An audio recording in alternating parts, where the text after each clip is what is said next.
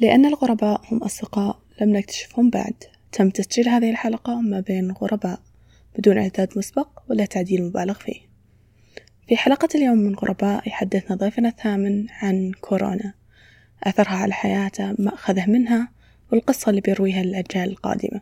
وكذلك عن زراعة الأفكار. ما ودي أطول عليكم كثير أترككم تستمتعون بالحلقة. أهلا. آه غريب رقم ثمانية بعد مدة انقطاع طويلة عن البودكاست. كنت الضيف اللي حصلنا عليه بصعوبة أو بطريقة غير تقليدية غير مختلفة عن العادة خلينا نقول. آه لكن سعيدين باستضافتك اليوم. آه عادة نبدأ الحلقات بسؤال كيف حالك؟ كيف كان يومك؟ لكن الأيام الفترات هذه متشابهة مرة. فكيف أيامك مع كورونا؟ آه الحقيقة الأيام كانت فعلا زي ما وصفتي شوي متشابهة. يشوبها كثير من الملل. آه لكن فيها برضو فيها برضو صراحة أشياء جدا جدا مميزة. من وجهة نظري أعيد اكتشاف كثير أمور على الصعيد الشخصي على الصعيد آه، العملي. على كثير جوانب أنا أحس إنه كورونا كان لها إيجابيات الحقيقة. ممنون كثير لهذه الأزمة اللي مرينا فيها. عرفتنا إنه إحنا ناس أولا مؤمنين ثانيا محافظين ثالثا آه، واعين ومثقفين. يعني هذا على صعيد الصفات الشخصية. لكن على موضوع أنت كيف تعيد اكتشاف نفسك لاحظنا أنه أنت ممكن تكون طباخ ماهر أنه أنت ممكن تكون آه نجار ممكن تكون سباك ممكن تكون كثير أشياء في بيتك كنا نعرف أنه كل أحد يبغى يسوي مثلا شغلة معينة في بيته لابد إنه يتجه إلى الأشخاص المسؤولين أو المعنيين في عمل هذه الشغلة. مع الحجر ومع ظروف كورونا اضطر كل شخص أنه هو بنفسه يدخل ويفتح على اليوتيوب ويقرأ ويحاول إنه يستنتج آه، أقرب أو أسهل طريقة لعمل شغلة معينة في في في آه، الشغلة في الشيء اللي هو مهتم على الصعيد العملي لاحظنا كيف كان الناس كلها تعمل والعمل ما توقف. الإنتاجية للأمانة حد علمي في كثير من جهات كانت أفضل كانت أحسن نفسيا. بالنسبة لربات البيوت اللي كانوا أصلا يؤثر العمل عليهم آه والذهاب إلى العمل خلينا نقول آه نفسيا بحكم أنهم تاركين خلفهم أطفالهم في البيت والذهن يكون مشغول. لما تكون ربة المنزل تعمل من خلال آه، برامج العمل عن بعد وهي في المنزل وأطفالها أمام عينها بالشكل هذا لاحظنا أن الإنتاجية صارت بشكل أكبر أكبر من كان متوقع. فصراحة هذا اللي أنا أحسه يعني حصل لي أنا شخصيا مع كورونا سواء على عملي سواء على أدائي في المنزل. كثير أمور صراحة كانت كويسة.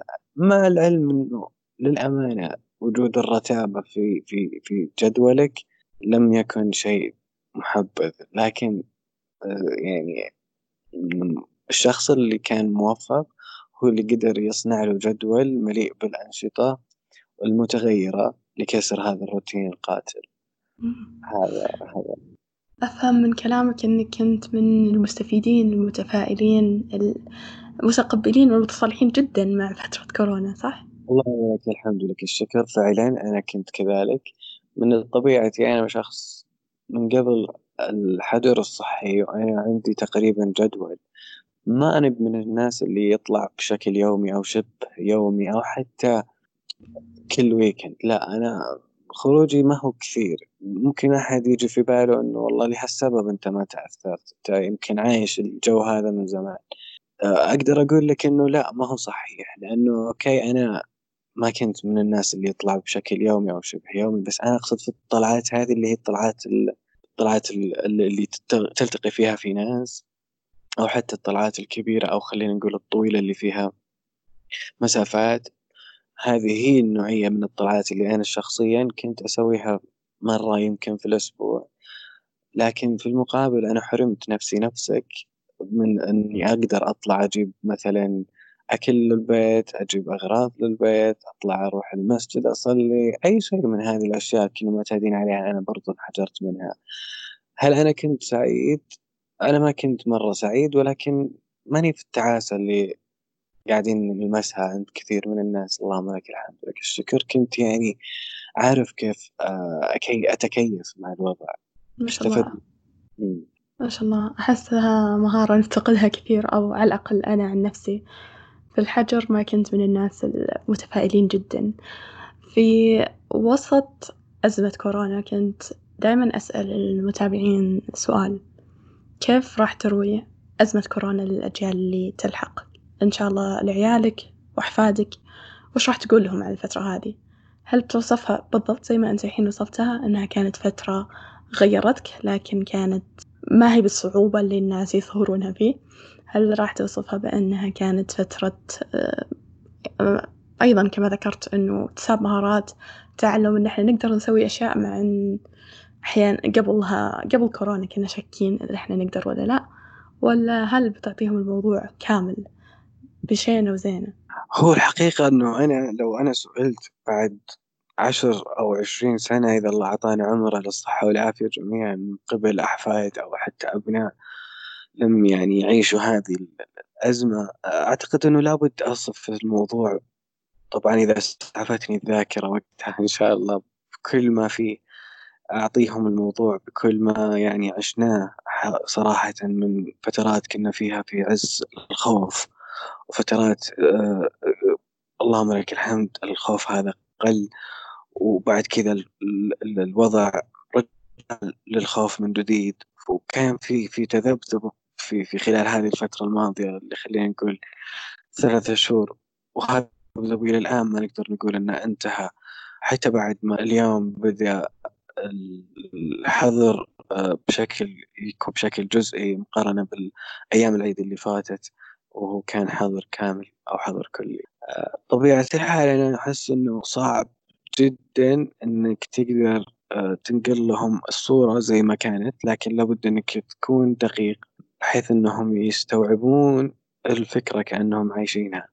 تعطيهم كيف كنا نعيش كيف كنا نعمل ولما نطلع من البيت وش الإجراءات اللي نتخذها ولما آه وقت ما كنا في الأزمة الأشياء اللي توقفت الأعمال الذهاب آه إلى المسجد إقفال الحرم وهذا شيء مرة مرة مرة ما كان شيء عادي. هذا شيء من عرف التاريخ لم يحصل إلا في مرات قليلة جدا. آه لازم تشرح لهم آه الحمد لله حكومتنا كيف قدروا آه توفيق الله. أولا ثم بالتفكير العميق ودراسة المشكلة بشكل يعني بشكل جدا جدا جدا يعني مركز. والاستفادة من التجارب السابقة تجربة السارس عام 2012 مرت فيها السعودية وكان وقتها آه، مرض كورونا موجود عندنا وكان يصير في إعلان للحالات بشكل يومي لكن ما كانت الناس واعية كثير لهذا المرض بحكم أن المرض وقتها ما كان يقارن حتى بمدى الانتشار لكوفيد 19 أو مرض كوفيد 19 كورونا الحالي. لأنه المرض اللي اليوم آه، الوباء اللي اليوم وصل لمرحلة أنه صنف ك pandemic أو جائحة مقارنة بالمقارنة ال epidemic أو أو الوباء اللي هو فقط على مستوى الدولة. اللي عام 2012 اللي هو ميرس آه كان جدا مرض قوي من ناحية أنه يقتل الشخص بنسبة 30% إذا أصيب فيه لكن جدا ضعيف من ناحية الانتشار. مقارنة باللي اليوم قاعدين نعيشه هو مش بإذن الله ذاك المرض القاتل ولكن سرعة انتشاره قد تؤدي إلى انهيار النظام الصحي إذا لم يتم السيطرة عليه. لذلك التعاطي مع الوباء اللي مع الوباء اللي نعيشه الآن الجائحة عفوا نلاحظ أنه صار في إجراءات جدا صارمة مقارنة بالسابق. آه هذا هذا كله يعني يعطيك يعني مؤشرات على أنه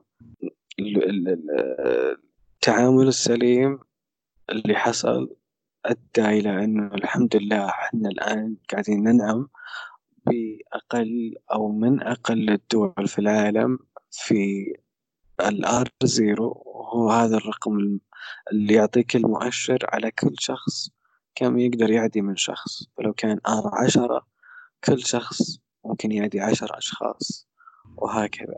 العشرة بدورهم يعدون ألف والألف يعدون يعدون مئة ألف والمئة ألف وهكذا. فالحمد لله. هذا اللي وصلنا له الحمد لله. يعني بتوفيق الله ثم تكاتف الجميع. الحمد لله يا رب. أعتقد أي أحد بيسمع لهذه الحلقة في أزمة كورونا أو حتى بعد أزمة كورونا راح آه، يتشبع بالمعلومات هذه. المعلومات اللي صرنا نلمسها بكل مكان. ما أعرف إذا أنت تشاركني الرأي ولا لا. لكن حاليا أخبار كورونا حرفيا كل مكان تطلع لك. أه سواء كانت تويتر سواء كان تلفزيون سواء كانت حتى في الشوارع والإعلانات والتوعية اللي قائمة عليها. وأتفق معك هي توعية جدا ضرورية وجدا لازمة عشان نتكاتف كلنا كمجتمع في القضاء عليها إن شاء الله وتجاوز هذه الأزمة. لكن هل ما أعرف أنا شوي بخفف آه، الموضوع وأقول لك هل تعتقد بأنه أزمة كورونا لأحفادك وعيالك إن شاء الله عيالك وأحفادك إن شاء الله بتكون الشيء اللي زي ما كانوا أهالينا يقولون يوم حنا في عمركم مدري صار أو آه اللي اللي يباهون فيها إنهم عاشوا وتجاوزوها وهذا شيء يظنون أن أحفادهم عمرهم ما راح يكونون قادرين عليه أو يعني إن شاء الله يتمنون لهم أنهم ما يمرون بشيء مشابه عشان ما يعيشون الظروف هذه. بكل بكل لو لو استحضرنا الماضي والتاريخ إلى يومك الحاضر في عام 1918 وقت ما حصلت الإنفلونزا الإسبانية إحنا اليوم عام 2020 قاعدين نحكي في في في جائحة أو في وباء حصل في هذاك الفترة أو في هذيك الفترة. وكان من أقوى الأوبئة اللي مرت على بشرية. وصلت الإصابات إلى يمكن خمسين مليون في في في في, في يعني وفترة وجيزة جدا. فاليوم لما نحن نتكلم عن جائحة كورونا وإذا ربي كتبنا من الناجين جميعا إن شاء الله وصدقيني إنه راح تكون الرواية جدا جدا قوية عن هذا الحدث.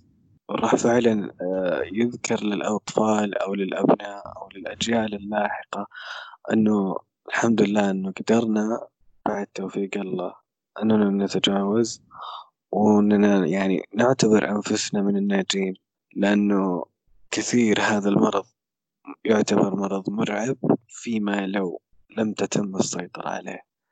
ولنا ولنا بإيطاليا وكثير من الدول العظمى ليس الدول الصغيرة.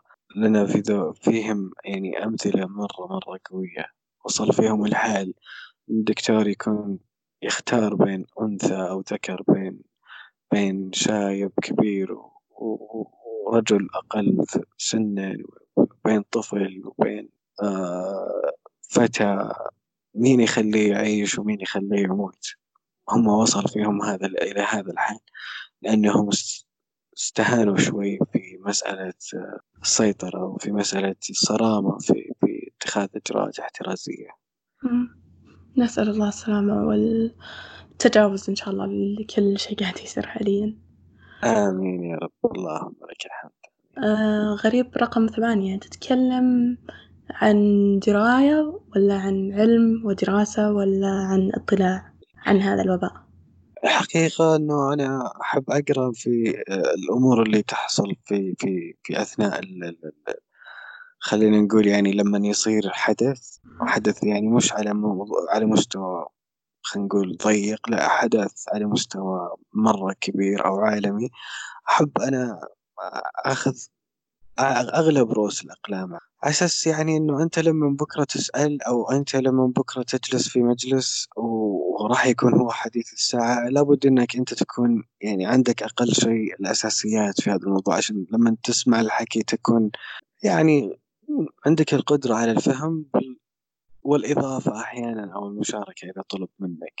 فأنا صراحة قريت كثير عن كورونا. في في وقت الحجر الصحي بحكم إنه كان الجميع يعني يشتركون في نفس الحال اللي هم في بيتك. ومن ضمن الأشياء اللي ممكن تستغل فيها وقتك إنك تقرأ فكنت أتابع الإحصائيات أتابع تاريخ الأوبئة أتابع كثير أمور تخص هذا المرض. إضافة إلى أنه آه، أحيانا خلينا نقول عملك ممكن يكون له دور برضه. فكثير آه، شغلات نقدر نقول إنه لها سبب في في في المعلومات اللي تبلورت عندي عن هذا الوباء. جميل جدا. غريب رقم ثمانية. وش ناديك؟ فضلت أنا هذا الاسم صراحة حبيته كثير. أنا غريب رقم ثمانية. نعم يعني لحسن حظي إنه توافق مع مع الرقم اللي أنا فعلا جدا جدا أحبه. رقم الحظ بالنسبة لي. قد يكون حتى من ضمن المفارقات العجيبة لهذا الرقم معي إنه إنه توافق اليوم حلقتكم إنه يعني صار الرقم ثمانية من نصيبي. فعلا فألك الرقم ثمانية كما هو واضح. هذه هذه صراحة حقيقة جدا جدا تسعدني لأنه أنا فيما لو خلينا نقول استحضرنا أرقام يعني في حياة الشخص تمر عليه أرقام. سواء رقمك الجامعي رقم الهوية رقم أنا ما كان رقم ثمانية فارق أعطي لي. واو. في نظرية تقول إن كل الأرقام اللي تمر في حياتنا وتتكرر لها معاني. فمثلا إذا ما كنت غلطانة رقم 11 يعني المال رقم أربعة يعني العمل. أنا هنا قاعدة أرمي من الأشياء اللي أتذكرها لكن في نظرية كذا تربط الأرقام بشيء ما آه، مفاهيم. اللي تقول لك إذا هذا الرقم قاعد يتكرر في حياتك كثير مثلا يمر عليك يوم كل الأرقام اللي تشوفها هي هذا الرقم فله معنى محدد. أنا شخصيا ماني من المؤمنين بالموضوع هذا لكن ودي أعرف إيش رأيك؟ والله أنا مثلك نوعا ما ما عندي ذاك خلينا نقول الاعتقاد الجازم أو حتى الاعتقاد اللي يخليك تحس إنه الرقم له دلالة حرفية في شيء. لكن لابد ما نغفل أن الارق يعني إحنا قدرتنا أو ما أعطينا للأمانة من من من معلومات يمكنها ما تسعفنا لكشف هذه الحقائق. لكن لو نلاحظ حتى في القرآن الكريم حتى في في في في ديننا كثير الأرقام تتكرر. سبع سماوات سبع أراضين سبع ليالي آه، فهذه الأرقام ما جت عبث. لكن إحنا يمكن قدرتنا أو محدودية معلوماتنا ما تسعفنا اننا نعرف إنه والله الرقم هذا دلالته كذا والرقم هذا دلالته كذا. شخصيا أنا أحس رقم ثمانية أميل له يعني مجرد ميل ولكن آه ما أعتقد إنه له دور حقيقة في شيء معين أو يرمي إلى دلالة معينة. مجرد إنه إيه يعني وجوده كثير يعني حواليني. نما شوي آه، في نفسي محبة لهذا الرقم فهذا كل ما أفهم من كلامك أنك ما أنت من الناس اللي يصنفون كل شيء يصير في حياتهم أو كل حدث أو حتى مثلا خلينا نقول مو بس رقم يتكرر عليك مثلا سالفة تسمعها في كل مكان أو post معين في ال social media قاعد يطلع لك كل شوي. أنت ما أنت من الناس اللي تأخذ هذه الأشياء كإشارات؟ ما أنت من الناس اللي تأول كل شيء يصير في حياتها تصير معي مرات إنه إنه أربط وجود رقم معين في شغلة معينة إذا حصل هذا الرقم إنه والله الشغلة راح تتم زي ما أنا أبغى. بس أنا أسويها بيني وبين نفسي مجرد يعني شلون شلون أشرحها؟ مجرد حاجة أسلي فيها نفسي. لكن ما هو اعتقاد قوي إنه والله إذا ما حصل هذا الرقم معناته ما راح تتم الشغلة زي ما أنا أبي. على سبيل المثال لا للحصر يعني لما تدخلين على مكان المكان هذا فيه في line في في سرة وسرة أو ال line هذا بأرقام. فاحيانا أضحك قبل لا أدخل المكان أقول إذا جاني رقم في رقم ثمانية هذا مجرد مثال أو رقم زوجي بحكم محبتي للارقام الزوجية. إنه إن شاء الله بخلص بسرعة أو أو القضية اللي أنا جاي علشانها أو الشغلة اللي أنا جاي بسويها بنجزها بسرعة. مثلا هذا مجرد جميل جدا. حلو إنه أوكي تسلية لكن ليست اعتقاد. آه أنا من الناس اللي نوعا ما في بعض الأحيان لما يتكرر علي شيء مرة كثير في فترة من فترات حياتي أعرف إنه أو آخذه كأنه لازم أسوي شيء بخصوص هذا الموضوع. فمثلا البودكاست هذا اللي قاعدين نسجله حاليا. آه فكرة كذا ما فارقتني من أيام اللي حرفيا وين ما أتوجه وين ما أقرأ وين ما أكون في شيء قاعد يقول لي سجل بودكاست في شيء قاعد يقول لي ارجعي الغرباء فمحظوظين جدا إنه لقينا ضيفنا غريب رقم ثمانية عشان يكون معنا بالحلقة اليوم. جدا. أنا اللي محظوظ صراحة وأنا اللي سعيد إنه حصلت لي مثل هذه الفرصة اللي صراحة أحس إنها إذا يعني بكون جدا جدا جدا آه دقيق. أضافت لي الكثير كثير. يعني من ناحية كيف ممكن تتكلم عن شغلة بدون تخطيط بدون آه ما تعرف حتى الموضوع اللي ممكن تتكلم عنه. تجربة جديدة. ممنون كثير إنه حظيت بالفرصة صراحة. سعيدين جدا. إحنا في غرباء. ما أعرف إذا أنت آه، حصل لك إنك تستمع لأحد حلقاتنا سابقا. سو so اللي سويناه مع غريب رقم ثمانية إنه أمس راسلنا إنه إحنا نبغى نسجل اليوم. ما اعطينا وقت كثير إنه يبحث عنا فعشان كذا بكلمك بشكل مرة بسيط عن الغرباء في غرباء نؤمن بأنه الغرباء هم أصدقاء لم تتعرف عليهم بعد. ونؤمن بأنه تجربتنا الإنسانية واحدة. لكن مو دايما عندنا القدرة على صياغتها والتعبير عنها بنفس الطريقة. اللي شدنا للغريب رقم ثمانية كانت قدرته العجيبة على التعبير ما شاء الله تبارك الله. آه يمكن للحين ما ظهرت بالقدر الكافي خلال هذه الحلقة لكن من أشياء قرأناها عنه وجدناها له كانت قدرة مذهلة على التعبير. آه مع الغرباء ضيف أو غريب رقم ثمانية. مع الغرباء هل أنت عادة من الناس اللي يتجرؤون أي إنهم يفتحون حوار يفتحون حديث؟ هل أنت من الناس اللي لو جلس جنبك أحد غريب بالطيارة وفاتحك موضوع هل أنت من الناس اللي يسوون نفسهم ما أسمعك آه، مشغول قاعد أقرأ مشغول بجوالي قاعد ألعب قاعد أسوي شيء؟ ولا هل أنت من الناس اللي أوكي آه خل نشوف إيش عنده خل نسولف خل نتكلم. حقيقة مرحب يعني اللهم لك الحمد. بأي أحد ممكن يعني لأي سبب كان يستفسر عن شغلة معينة أو يحاول إنه يفتح باب للحوار. وهذه يعني تصير كثير خلينا نقول خصوصا في أماكن الانتظار. لأنه الواحد يحاول إنه يعني يضرب عصفورين في حجر ممكن يتعرف على شخصيات يكتشف آه، إنه الشخصية هذه ممكن تضيف له.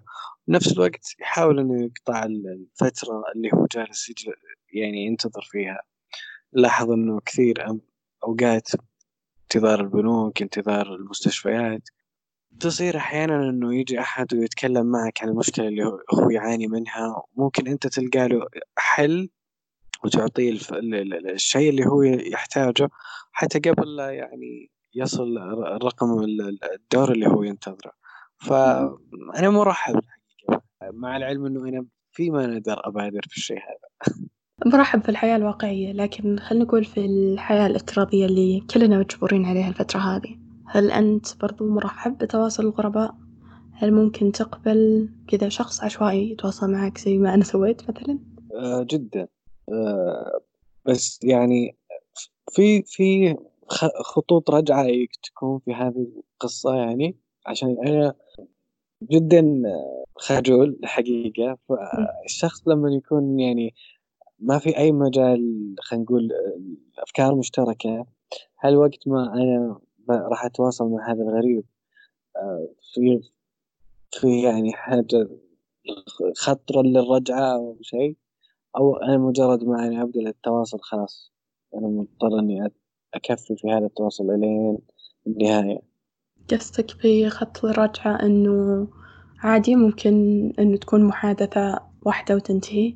عابرة هذا قصدك؟ آه ممكن وممكن نفس المحادثة إنه ما تكتمل. يعني إذا كان الشخص اللي أنا راح أحكي معاه ما في أي مجال للتوافق. ف بحكم إنه زي ما قلت لك شوي أنا عندي مشكلة إنه أنا خجول فآخذ أجي على نفسي كثير في في موضوع إني ممكن أقعد أجامله. في طول هذه المحادثة مع هذا الغريب. هذه هي الجزئية اللي تخليني شوي حذر ما أقدر أجاوبك إنه أنا فعلا أقدر آخذ الخطوة هذه مع أي أحد غريب أو لا. بس ثقة ثقة تامة. وأنا هذا الشخص الغريب لو كان في لو واحد بالمية من التوافق راح أكون جدا سعيد وراح أتواصل معاه بكل أريحية. أوكي إذا أريحية التواصل عندك تعتمد على وجود مواضيع أو نقاط تفكير مشتركة لكن ما عندك أي تخوف أو شك أو ريبة إنه هذا الشخص من وين جاني هذا الشخص وش خلفيته وش يبي أساسا عشان يتواصل معي؟ هو يعني بطبيعة الحال ما راح يجي بشكل يعني غير معروف صح؟ يعني أنت راح تعرف إنه هذا الشخص أتاك من هذا المكان.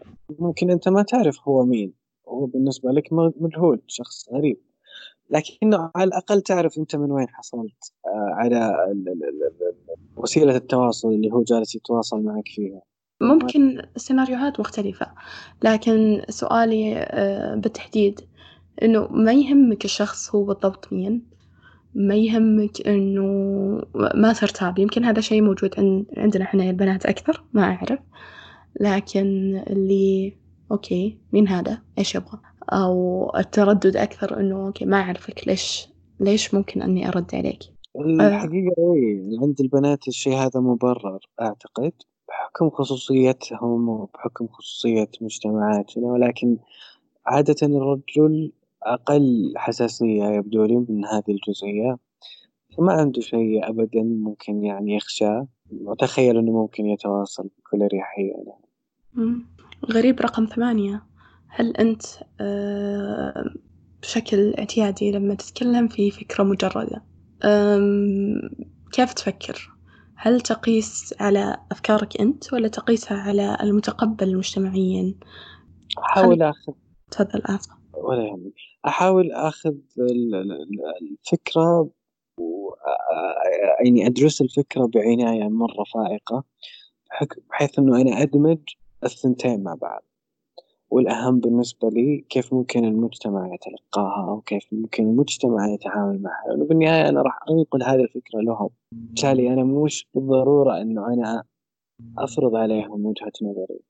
لكن أنا إذا كنت شخص متمكن من فكرتي ويعني مؤمن فيها إيمان تام لابد أنه أنا بطريقة أو بأخرى أكتشف الطريقة السليمة لدمج زي ما قلنا بالبداية بين ما أنت تعتقد وبين ما المفترض إن الناس تسمع أو الناس وش المفروض أو يحبون يسمعون.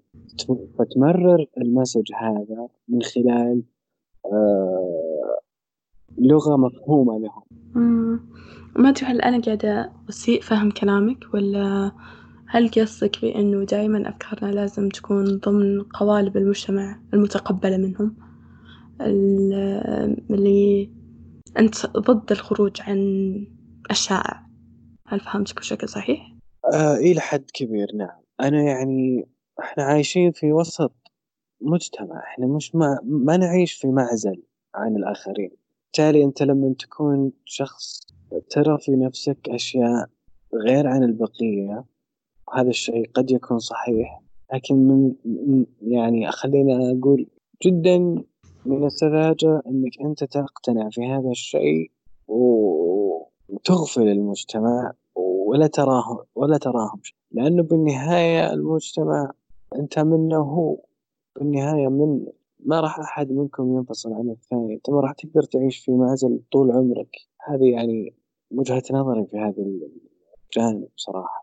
أحس إنه ما هو صح إنه أنا آخذ شغلة وأتمسك فيها. قد تكون هذه الشغلة جديدة وما أحد سبقني عليها. قد تكون صحيحة بالمناسبة مش بالضرورة إن الفكرة هذه خطأ. لكن بمجرد إنها جديدة وما أحد يفهمها ولا أحد يعرفها هذا كفيل يعني بحد ذاته إنه يعتقدون إنها ما هي صحيحة. شخص عدو ما يجهل عادة. ما تعتقد إنه بالشكل هذا المجتمع للأبد راح يبقى على ما هو عليه لو كل شخص عنده فكرة جديدة اللي مجددا ممكن تكون صعبة ممكن تكون خاطئة إحنا نتكلم عن وجود الفكرة الجديدة إذا أنا دايما بقول إنه أوكي المجتمع غير مستعد لهذه الفكرة معناها احتمال كبير إنه المجتمع للأبد يبقى غير مستعد لهذه الفكرة؟ إذا كنت أنا صاحب هذه الفكرة أو أنا اللي مثلا اكتشفت إنه الفكرة هذه جديدة وقابلة مثلا للتطبيق آه بس إنه المجتمع حواليني خلينا نقول ما يعرف عنها آه لازم أنا أسوي لها تسويق بشكل يفهم هذا المجتمع قبل لا أنا أطلع بصوت عالي وأنادي في هذه. لأنه أنت لازم تهيئ أرضية خصبة لأي شيء عشان تزرع. من الصعوبة إنك تروحين تاخذين نبتة وتحطينها في اسفلت آه، وتطلبين إنها تنبت. لابد إنك تاخذين المكان اللي تنبت فيه النباتات اللي هو الأرض اللي فيها تراب تحطين في هذا التراب سماد تعتنين في هذه التربة. بعد كذا تجين وتحطين البذور. لازم تكون البذور بذور ناضجة بذور قوية بذور تحمل الأجنة اللي قادرة على البقاء والأجنة اللي معدلة خلينا نقول أحيانا وراثيا ضد ضد الميكروبات وضد البكتيريا اللي ممكن تتآكل معها النباتات. وتخسرين أنت كل الخطوات السابقة. هذا المثال اللي أقدر أوضح لك فيه مدى إنه أنت فكرتك عشان تطلع بشكل صح تنجح وتأخذ الصدى اللي أنت تبغينه لابد إنك تهيئين كل شيء ابتداء من الفكرة ذاتها إلى المتلقي.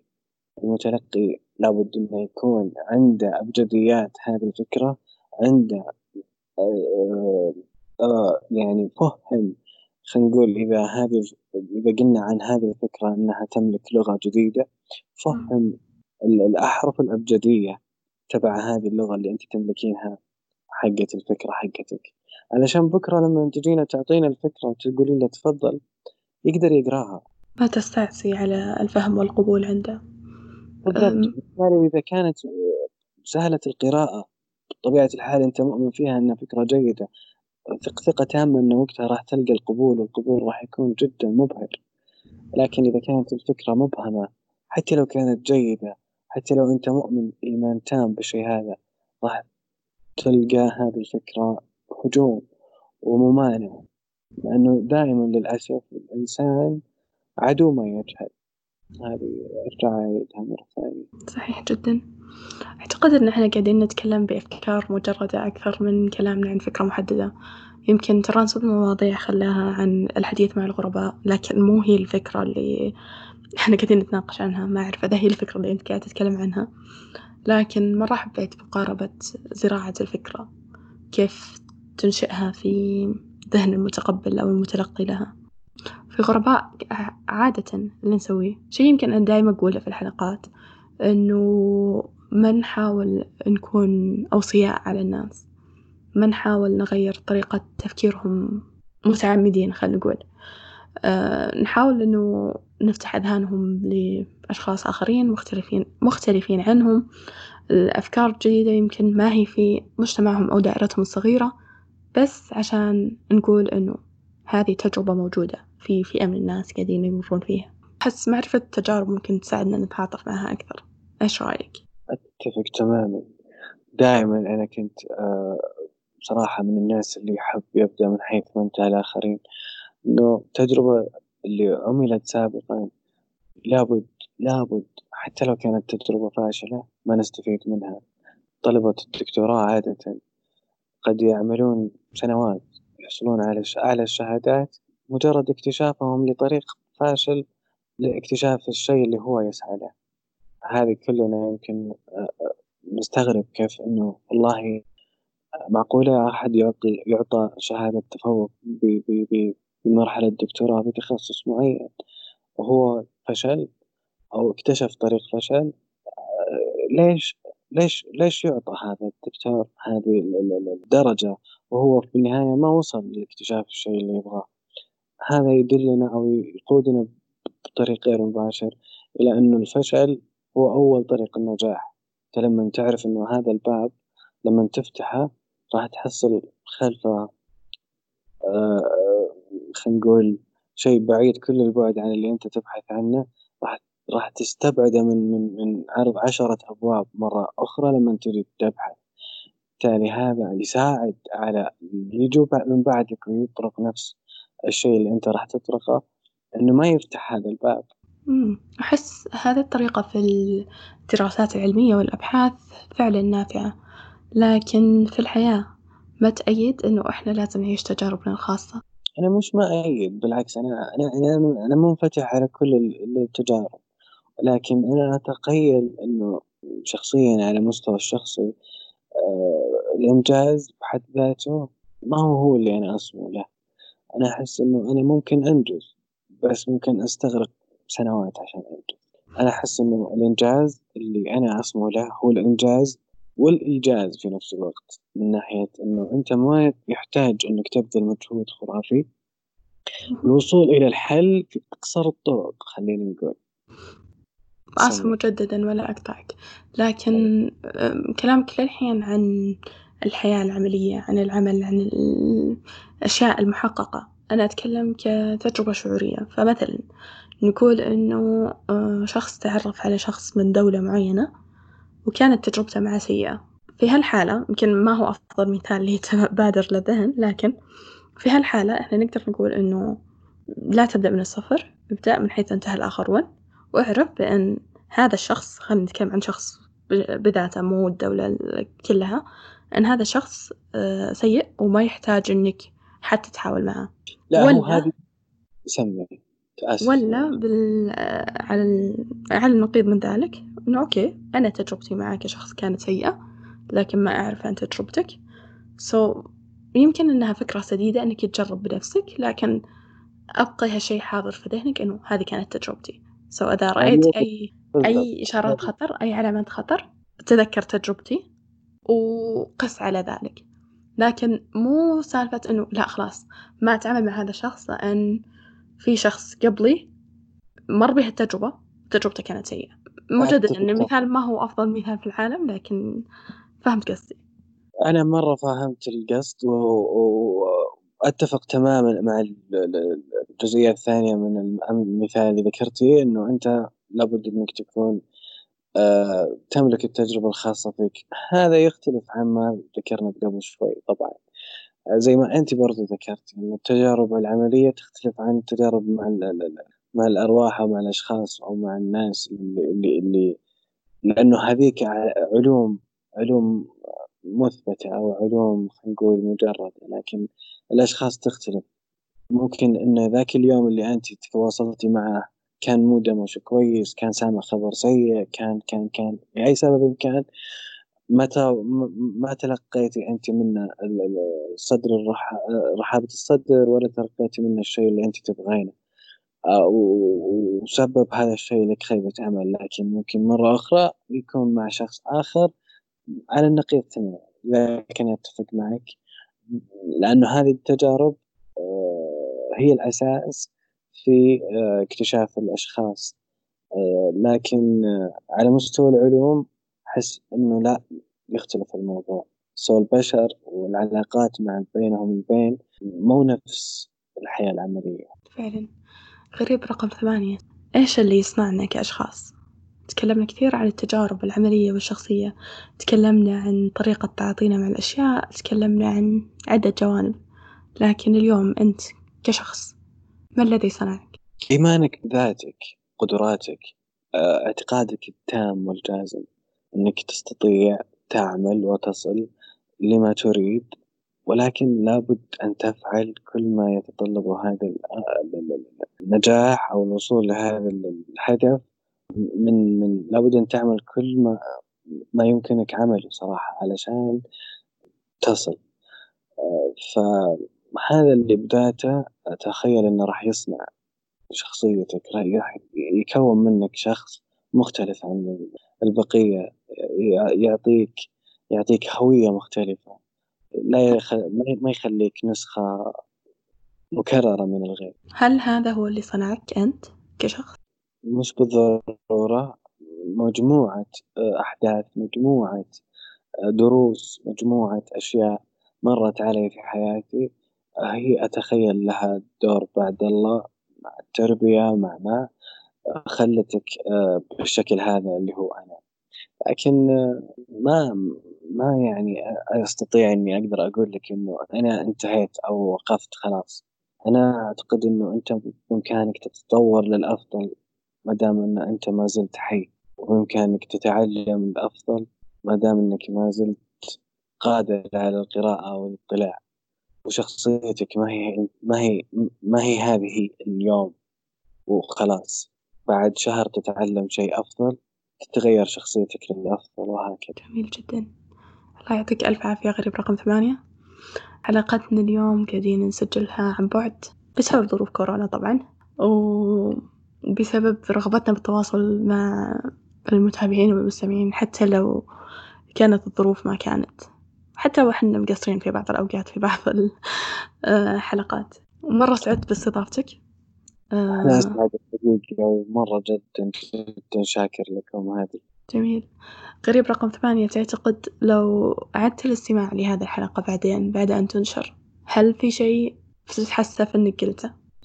والله أتمنى إنه ما يكون في شيء آه، ما لقى استحسان المتلقي لكن عندي رحابة صدر إنه لو كان في شيء آه، ما هو صحيح أو شيء آه، ما مرة يعجب الناس إنه مثلا أغير رأيي فيه لو أنا ما كانت قناعتي صحيحة وبنفس الوقت بدي أعتذر عن هذا الشيء مسبقا لو كان. طب السؤال اللي ننهي فيه عادة تعتقد لو أحد من معارفك سمعوا لهالحلقة هل راح يتركون أن غريب رقم ثمانية هو أنت؟ آه بصراحة ما أقدر أجاوب لكن آه إذا كان من الصوت قدر يعرف مين أنا فهذا تخيل إنه الشيء ال- الممكن لأنه أنا بطبيعتي فيما نادر أتحدث مع الناس القريبين مني بهذا المنطق تحب تختم بشيء؟ حقيقة ما في يعني أكثر من ما قيل ولكن أتمنى صراحة من الجميع أنه يكونون في صحة وعافية. أتمنى للجميع أنه يكونون آه ناس آه أصحاء من ناحية الفكر قبل لا يكونون أصحاء من ناحية آه الجسد. ما أعرف صراحة إذا كان في شيء ممكن نقوله لكن كل عام وأنتم بخير جميعا. أتمنى لكم السعادة الدائمة والتوفيق دائما وأبدا. نختم بكلمة وزارة الصحة وزير الصحة والمتحدث الرسمي. خليكم بالبيت كلنا مسؤول يا جماعة. نلقاكم على خير. هذه كانت نهاية الحلقة الثامنة من غرباء. الحلقة اللي جاتكم بعد انقطاع ليس بالقصير مع الأسف. راح نحاول نكون أكثر تواجدا وأكثر تواترا برضو في حلقاتنا. غرباء اليوم متوفر عبر Apple Podcasts، Google Podcasts، SoundCloud وجميع منصات البودكاست المعروفة. نشركم للحلقة تعليقاتكم عليها تفاعلكم معها وحتى ال review هات اللي تتركونها لنا في iTunes تساعدنا كثير بالانتشار والوصول لغرباء أصدقاء أكثر. في حال كنتم مهتمين بأنكم تكونون ضيوف لغرباء يمكن تكونون الضيف التاسع العاشر أو حتى المئة. لو عندك الرغبة هذه تقدر تتواصل معنا عبر حسابنا في تويتر at strangersaudio أو تراسلنا باستعمال البريد الإلكتروني strangersaudio at gmail.com دائما متحمسين ودائما متلهفين لمقابلة غرباء وجعلهم أصدقاء مثلكم. من الحين للحلقة الجاية ألقاكم على خير.